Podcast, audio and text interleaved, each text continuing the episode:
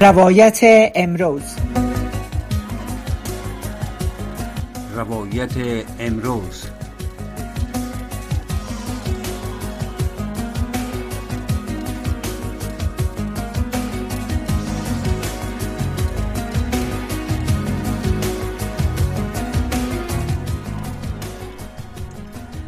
درود خدمت بینندگان و شنوندگان ارجمند برنامه روایت امروز. لیلا ما حبیب عظیمی هستم و دقایق چند با مهمان گرامی این برنامه با شما خواهیم بود. از آنجایی که موسیقی با زبان بیزبانی با ما سخن می‌گوید و عمق احساسات ناگفته ما را لمس می کند می تواند به ما انرژی بخش و مسرت آفرین باشد. می تواند آرامش فکری و تمرکز ذهنی به ما بخشیده و گاه اشکهای خشکیده ما را جاری سازد.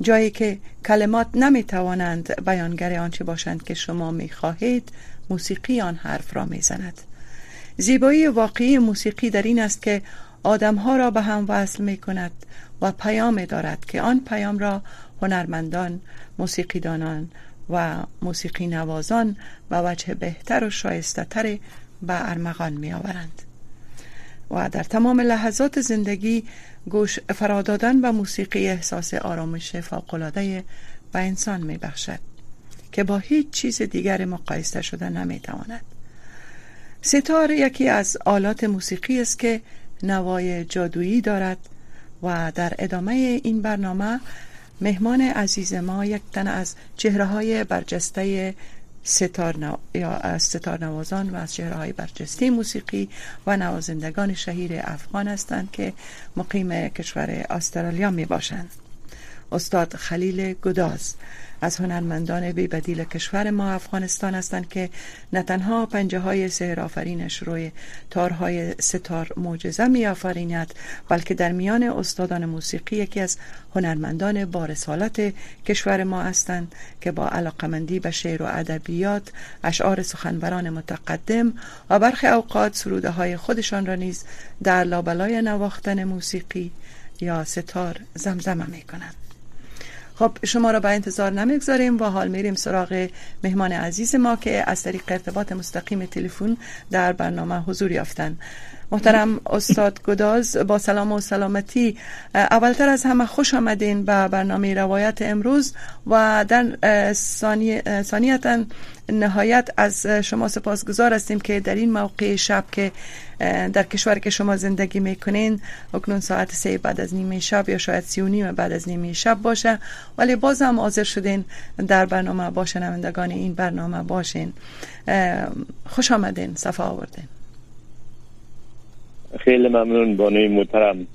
و سلام های گرم خود از صمیم قلب برای شما از طریق شما برای تمام شنونده های گرامی. شما تقدیم می‌کنم در گوشه و, گوشه و کنار دنیا که تشریف دارند خوب و خوش و سر حال باشند در خدمت ممنون شما. خب استاد از در آغاز از خود بگوین از زادگاهتان از تحصیلاتتان. و اینکه چی زمان کشور ترک گفتین و مقیم استرالیا شدین خیلی چی ارز کنم از کجا شروع کنم؟ در حال پیدایشم در یکی از ذره های شاداب و انبوی گندمزارها باغستان های سرسبز کشورم افغانستان به حقوق پیوسته. بله. و خلاصه بکنم که زبانم عشق است و قومم خدا. چون تصف کار زشت است و ناروا باز هم میگم که زبانم عشق است و قومم خدا. بدونش سرنوشت قسم گری خود برای همه مردم ما بر وقتان در اهل فرهنگ و نر اینا. بله. مطب باز راهی هندوستان شدم. البته به اون زمان جهت تحصیلات عالی آمدم در موسیقی. بله. و متاسفانه باز بعد از که من تحصیلات خود ختم کردم قرار بود که برم افغانستان دوباره. ولی در اون زمان تقریبا 20 سال پیش یا چند سال پیشی که با مثل که فعلا در موسیقی جای نیست در کشور ما متاسفانه اون زمان به همین شکل اتفاق افتاده بود. درست. باز مثلا پیشنهاد درخواستی دادم به دولت استرالیا. درست. امرای فامیل باید قسمت نصیب همی طرف آبدانه کش ما کرد و آمدیم سه به ملبورن استرالیا و همین چه زندگی را بسیار خوب. خب داره که از قرار گفته هایتان ما دریافتیم که شما متولد شهر کابل هستین و در کابل هم تحصیلات خود را تمام کردین. بله مکتب در کابل خواندین؟ مکتب تقریبا تا سنف هشت در اطراف خواندم. و بعد از او زمان جنگ ها شروع شد و مکتب در دادن باز ما آمدیم کابل باز خب. ادامه دادم درس البته متاسفانه نتونستم گلتر بخوانم در کابل بله. باز اشپیل سر خواندم اشپیل تنساری در او ختم شد باز شامل کار در رادیو افغانستان شدم خب. من یک نوازنده بله. و اوجا شامل کار شدم تا زمانای تقریبا چهار پنج سال که باز کورس های آموزش موسیقی کلاسیک هندوستان و افغانستان در شهر کابل مخصوصا در دیمزنگ یعنی موقعیتش همونجا بود دیمزنگ کابل بله. دایل شده باز من شامل از او کورس ها شدم تقریبا بعد از مدت پنج سال باز بر ما بورس اونا تعیین کردن و برنامه اجرا شد در سفارت هندوستان. خب. که استاد بر ما چانس داد توجا نواختیم. باز مورد نوازش قرار گرفتیم. باز از که خود در هر کشور هر مردم فرهنگ خاص خود داره درست. در هندوستان این دی ها بگویم دیگه هندوستانی ها بله. اول برنامه را اجرا می‌کنن بعد از اون باز اونا یک لغمنان داشتن یا یک داشتایی داشتن اون رو باز پخش می‌کنن. باز او برنامه را که در سفارت هندوستان اجرا کردیم که همه شاگردا بودن. باز البته خوششان آمد یعنی خوب بود نیستی. باز در مستان سفارت چیز بودیم که هندوستان. همراه دیگه شاگردا و البته شاگردای کلاس های مختلف موسیقی از ستار بود از طبله بود از آوازخانی بود. باز همونجا یگان سموسه و ناشتا و گپای خدا می‌گرفتیم که استاد ما ارفان خان و امرای نایب سفیر سفارت هندوستان در مو یک طرف ها بودن دیگه مردم های کلامی تو بودن ما شاگرد های طرف ها بودیم. باز اشاره کردن رفقایم بر من گفت خود طرف صدا داره. علی بچین برو پر صدا داره. باز ما که طرفشان دیدیم اشاره کردن که بیا رفتم اونجا باز مستقیما. اما آقای ورما بود او وقت سکرتر اول سفارت. گفت خلیل هندوستان میری؟ دیگه من هندوستان از جمله رویا خواهیم بود و ارمان هایم بود که آرزو داشتم. گفت برم هندوستان و پای صحبت استادا بشینم سابزانو بزنم یاد بگیرم ببینم که اینا چه اجرا می‌کنن چه برنامه اجرا می‌کنن. همین که دمی رویاها غرق بودن باز گفتن که میری هندوستان دیگه کم بود که قلبم اخفاد شود. خوشی گفتم بله سه پا میرم گفت خیر فردا باز گئی دفتر فرم چیزا رو خب. خب پس آغاز علاقمندی و آغاز کارتان هم از کورس های موسیقی شروع شده و در آغا در آغازین روزا هم ستار می نواختین. از علاقمندی شما به ستار بوده از اول بله؟ از اول به ستار بود بله. از زمان خورد وقتی خورد بودم در بله. شمال افغانستان البته در ولسوالی شکردره درست. با سوجا ما دمو اطراف یک باقی که داشتیم یک بود یک یا یک مقصد میمان که از کابل می آمد از فغمان می آمد از شردی می آمد عزتشان می‌شد. یک درک میوه بود و خوب بود مخلب دوباره می‌شد. باسه به همون که که رادیو گد داشتیم رادیوی فلکس بودم زمان مخصوص بودم بسیار زیاد خورد بودم. و باز یگان زرک فرماوچ هم بود مرا می‌گفتن برو بچه چی رادیو فرماوچ بود باز در اون زمان که همی پروگرام های چی میماندن؟ موسیقی کلاسیک ستار میماندن شنایی میماندن. بله بله. در رادیو رادیو افغانستان. درست. باز او, او بودم با, با, زمزمه های شبنگام بود ساعت یازده دوازده دوازده آها ده یازده یازده دوازده اونو وقتا موسیقی آرام میمون و میشنیدیم. بسیار علاقه داشتیم داستان وقتا شکاره بسیار باز باز اونمو باید شد او دو زمان از کار نیده بودم اصلا مالندار باز کابل کامدیم یک دونه تنبور هم شروع کردم. از تنبور خب. شروع کردم باز اونمو تر شامل رادیو افغانستان شدم. من از یک نوازنده خب در آغاز تنبور می نواختین بله؟ در آغاز تنبور بله، می نواختین بسیار بله. بسیار خوب بسیار باز باز پسانا فهمیدیم که وقتی که هندوستان آمدیم در سارا خانده اینا باز پسان فهمیدیم که یعنی خود ستار ترکیب از دو علی موسیقی تنبور موشواس تنبور افغانستان و وینای اندستان که البته از طرف ساوت اندیا زیادتر نواختن میشه خب. و اکثرا هم دختر خانم ها می نوازن باز خود ستار ترکیب هم دو علی موسیقی. بله. یعنی شباعت ها داره. بسیار زیاد. همون سر کردنش و میزان کردنش و تارایش به این شکل است. چی گفتین؟ یالی موسیقی دیگره که دخترها در هند می نوازن بیشتر؟ نامشو چی گفتین؟ مینا؟ وی... وینا خریدیم. بسیار. خوب بسیار خوب. و هم شکل ستاره داره. شکل آه شکلش کاملا ستاره باید ولی آواز کمک فرق می‌کنه و شکل نواختنشون فرق می‌کنه. خواهی به خاطر دختر خانم زیادتر می نوازد که یکی از خدایان اون دو به نام سرسوتی ما میگن شده سرسوتی ما خدایان بساب باور باورمندی خودشان که میگن خدایان موسیقی هست. سرسوتی میگن. بازو یا یعنی بیناگه کشتم و بغلش از اکسام مگه کدام جایی بله بینا بله بله. اونو چیزی به اون خاطر دیگه دختر خانم بود به شکل سنتی او می نوازن درست. بسیار خوب.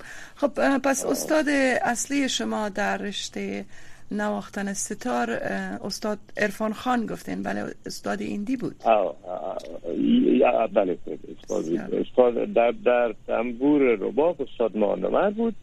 باز در ستار در اولین استاد من. استاد ارفان خان صاحب است که از مکتب لکنو شاگران بودگران است. یعنی متعلق به مذهب یا مکتب ستار است. اونا تشریف آورده بودن به کابل. درست. دیگه فعلا کلکتا تشریف دارن هندوستان یادشان بر ما گرامی گرامی کن سلام ما برشان برسه باز وقتی که من بر تحصیلات بیشتر آمدم به ارتباط در هندوستان بله. باز استادا تبدیل شد. مثلا دو کالجی که ما بدیم به نام شیران بهاراتی کلاکنده بود. بازو جا یک ستار نواز دیگه بود. او از دیگه مکتب بود او از مکتب مثلا سین یا مهر گرانت که در اصلش علاودین بابا یعنی پدر استاد علی اکبر خان صاحب و استاد روشنکر صاحب استاد نیکل بنرژی و استاد هزاران موزیشن دیگه این مکتب هست. باز من این مکتب خواندم. شما استاد مجموعا چند سال در هندوستان به سر بردن و برای فراگیری موسیقی یا ستار؟ تقریبا جمعا یازده سال مده بودم. شش سال خیلی یک مکتب خواندم. همین مکتب سینی امریکا که ارتباط می‌گیره مثلا از شاگردان از این یک مکتب. کلانا بله. مثلا خود پندت روشن کرد علی برخان سید. مثل بنا چی. و علی پرساد چهارسی فلوت می نوازه اینا کلش پیدا امی, امی گران هستن. مثل بیر شهست سال خواندم. این نمی مکتب. باز مالدار تشنگی علم زیادتر می بله. بودم باز مثل باز رفتم پیش استاد امجدلی خان سید خب بسیار او سید آه بله پیش از رفتم. او با سبک گایکی هنگ است. گایکی هنگ در ما چیز کردن یاد دادن یاد میتن گایکی هنگ به این مانا که یعنی آلی موسیقی باید بخوانه بخوانه. اونمو روش خواندن ها یکی تخنیک است. بله. تخنیک تیاری سپید و سرعت زیاد میشه و این, این مسائل او زیادتر مسائل تکنیکی ردم زیاد داره. و باز گایکی هم یعنی singing style بله استاد امجد خان وقت ستار می نوازه زمزمه هم می‌کنه با. و این روش شما هم تعقیب می‌کنین تا جایی که ما بله. از هنرنمایی های شما ویدیوهایی را دیدیم. شما هم زمزمه شعر می‌کنین در جریان نواختن ستارزن و این بله، امو طرز است. بله. بله بسیار خوب. خب استاد در مورد استادان برجسته گذشته در افغانستان استادان ستار نوازه که در کشور بودن کی ها را می‌شناسین و به یاد دارین و می‌تونین نام ببرین؟ بله. بله. بله, بله. وقتی که ما در افغانستان در رادی افغانستان با شدم همون که یک ستار نواز بود استاد سراج خان. استاد سراج دین وازی ستار می نواخت بله. آدم سرزقید بود آدم موسن آدم ساخب می نواخت مالدار راگا و بخاما و اینا را همه را یاد داشت. ازل خرابات بود. پدر از اون آنم سید میاد من اخی ولی دیگه و نرمندا سمی کردن زد به نام میراجدین خان بود. اونا و زمانی که استاد قاسم و استاد غلام حسین این کسا از طرف پایان بگویم یا طرف هندوستان آمده بودن به کابل. اینا جاگزین شدن بین خوجه خودک خرابات پدر از اونا سید از طرف هند آمده بودن بسیار خوب. بله. اونا بدن اونا را میشتیم اونجا می نواختن وظیفهشان همینجا بود که باید نوازن. دیگه بعد از بعد از اونا باز تا که چیز آمد. یعنی کورس های ایندی آمد که ما مختار شد شاگردان زیاد شد. ستار نوازهایی که در افغانستان در وقت بود شامل داوود غزنوی بود یک خب. بچه بود خدا غریق رحمتش کنه همو 20 25 سال پیش که طالبا آمد و کشتن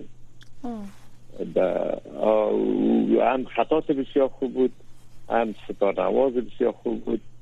او که شهید ساختن باز کنجوی موسیقی شده بود؟ جلال گفته بود مقصد جلال بست کرده بود بود کنن که دور برده از بهش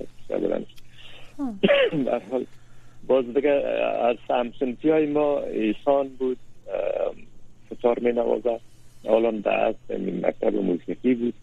خب. در کابل اونا بدن دیگه شام آمد معشر بود. می نواختن بله استاد محشر در زمانی که مجید سپند. در رادیو تلویزیون در تلویزیون افغانستان هم همکاری داشتن محشر. بله به یاد دارم. آه بله بله. امرای گروه باران بدن. همراه فراجان چون فراد دریا و مجید مختار خدا غریب رحمت کنه. اسد بدی و اینا.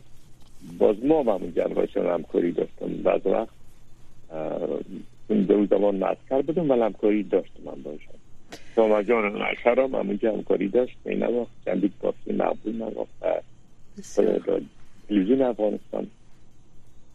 دیگه انیستان نوازا بودن. آقای سپند بود. مجید سپند. بله بله. بسیار خوب. استاد کداز شما شنیدیم که در اواخر کارهای ابدایی هنری را روی دست گرفتین و در حال آماده ساختن یک مجموعه هستین. آنگاه نو پارچه های نو بله. تقدیم خواد کردین. در این مورد صحبت بکنین تا بله. دقایق در اختیار ماست. و ای که از البوم های هنری که در گذشته و حال دارین کمی در موردش صحبت بکنین. روشنی به اندازین به شنوندگان و علاقه من بله بله یک مسئله که ارز کنم. میگه که همه دانشمندا بزرگا متخص به ای هستند که صدا سر سو دریای بیکران کم غواسان آن در خطره ها غرقند. ما آنچی به عنوان موسیقی از آن بهر دریافت کنیم تعداد یعنی کشف تعداد ساتها و راک ها و راکنی ها یا بر نام های دیگه که در دنیا هست. گام ها مقام ها دستگاه ها یا اسکیل ها هر نامی که بمان این سرش اونمو شا... مشتق میشه یا گرفتن میشه از این یه فرده که در دنیا وجود داره. یعنی دمی قسمت پردای موسیقی هم که عرض بکنم در تمام کائنات دمی هست فرده. این هر ساونده که ما مشنیم اگر رجوع کنیم میشه یا بیاری میشه طرف نوت موسیقی در یک سر است مانند ساره گم پدنی یا دورینی باسلا سی یا الفی بی سی برش میگه این سه نام هست در کل دنیا. ولی ساوند و نمو هست آواز و نمو هست. آواز که تغییر دادن نمی‌تونه بله. مثل که یک ترزی که هست از این زیادتر نیست. به طور مثال ما در یک هفته افروز داریم. افروز هیچ نیکولان ساینتیست می‌تونه تغییر بده هیچ قدرت دیگه نیست. گیره شش روز بسازه یک هفته سر ما یا هشت روز بسازه اونمو هفته و ساوند هم صداها هم که در دنیا هست در طبیعت است. ما زاده طبیعت هستیم ما شاگرد طبیعت هستیم. و سر از کار می‌کنیم ما. یعنی ساوند ها را آواز هایی که در طبیعت است مثل که میگن لای چیز و تال چیز. بله. خود خود خود لای طبیعت است لای به این دانه که مثلا شب میشه روز میشه به وقت زمانش چهار فصل مثلا چهار فصل یک سال است. دیره هیچ تغییر نمی کنه مثلا یک سال در دوازده ماه یک سال است و یا گردش شمس یا مثلا گردش دیگه سیارات که در گردش شمس هست اینی کلش یک نظم است. بله. اینمی لای اینمی از باستال که سنت میشه ساخت دست انسان ها. مثلا سال مغلی تال دادره تالی که روا عد تالی که باشه میگن بیزر شست سال است.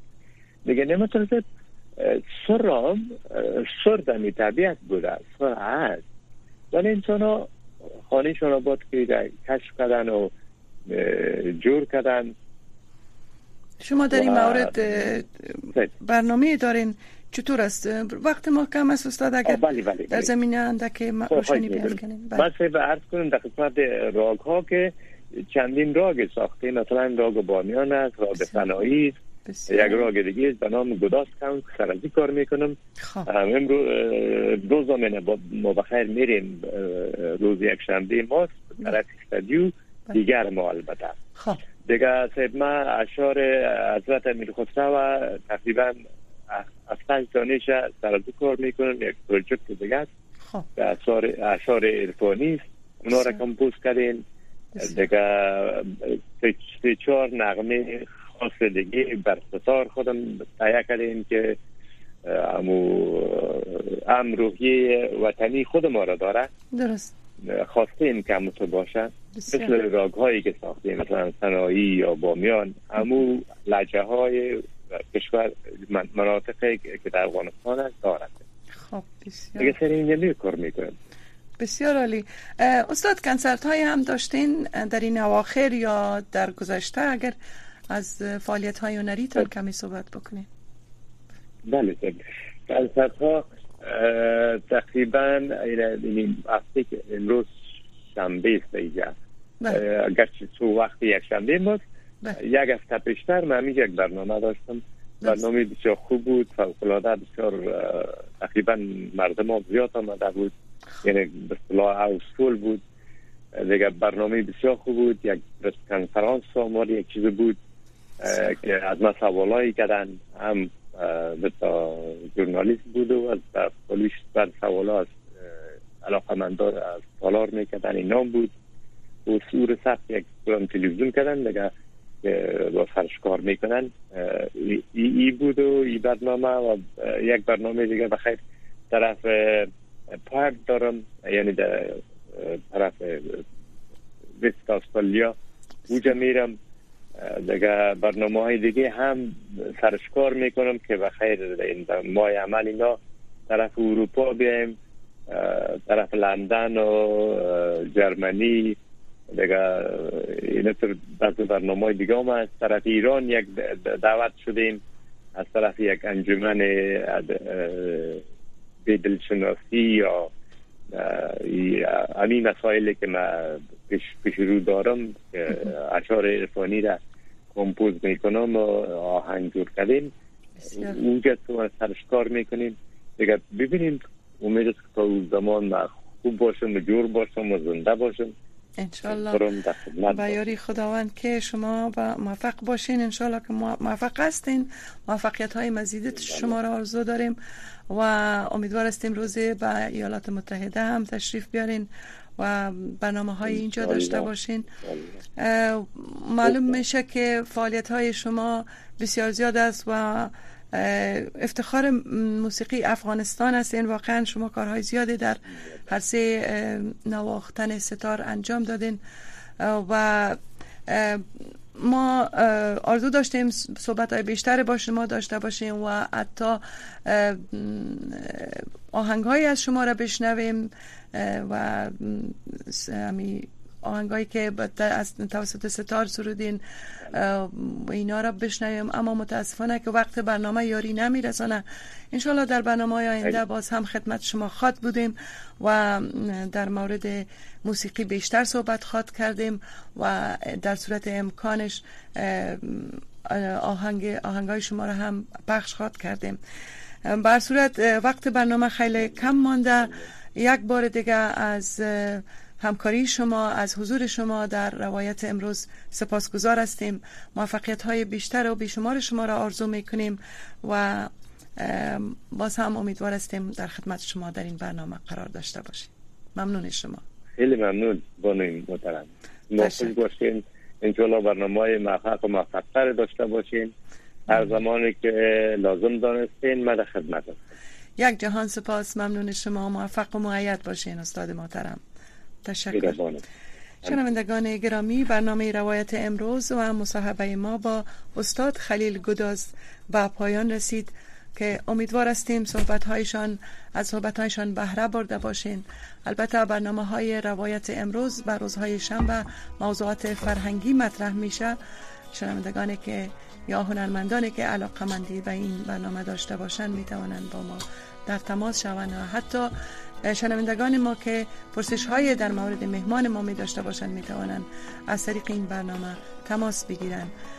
البته به دقایق آخر است و اکنون برنامه نن او وضعیت آغاز می شود که با گویندگی بانو زیبا خادم پیشکش می شود. با ما باشید. خدا نگهدار.